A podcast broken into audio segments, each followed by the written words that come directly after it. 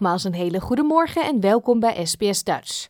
Straks vertelt Paul Budde wat voor een bijzonderheden hij onlangs tegenkwam in het archief van de Dutch Australian Cultural Center. Maar eerst Lunar New Year. Dit is SBS Dutch. Lunar New Year betekent meestal een piek voor de Australische toeristenindustrie. Maar ondanks dat China deze maand zijn grenzen heropende, zullen de bezoekersaantallen waarschijnlijk laag blijven. Dat komt door de beperkte beschikbaarheid en hoge kosten van vluchten. Thank you for calling Global Ballooning. You are speaking with Pato. We have a couple of different packages. You can either go for the Melbourne flight itself, which Na drie loodzware jaren begint het aantal boekingen bij Global Ballooning langzaam te stijgen.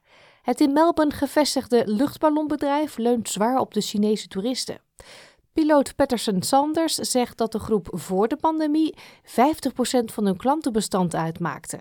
We haven't noticed a massive uptick yet, but we're anticipating with the border opening that uh, that will be the case. And we're very excited to be welcoming the Chinese traveller and the international traveller back to Melbourne, back to our, our flying area and back to the skies. Maar die broodnodige toename van het aantal boekingen zal waarschijnlijk nog maanden op zich laten wachten.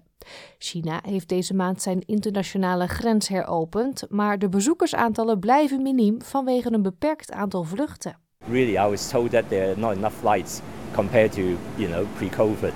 So uh, as much as you know they all want to come here, um, really it is expensive, and at the same time it's not easy to get a ticket.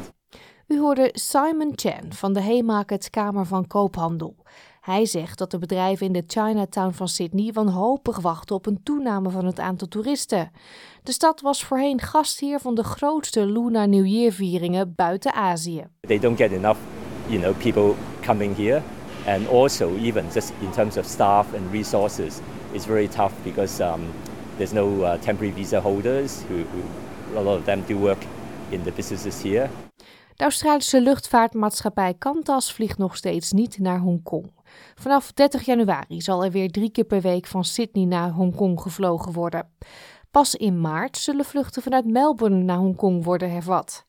Analist Ray Chen zegt dat Chinese luchtvaartmaatschappijen de komende maanden ook meer vluchten zullen toevoegen en dat de prijzen hierdoor waarschijnlijk zullen dalen.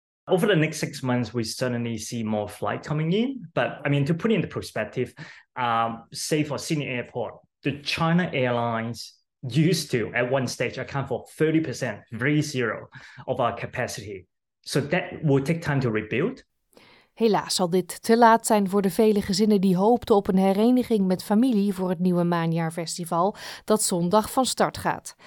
U hoorde een verhaal van Lucy Murray voor SBS Nieuws door SBS Dutch vertaald in het Nederlands.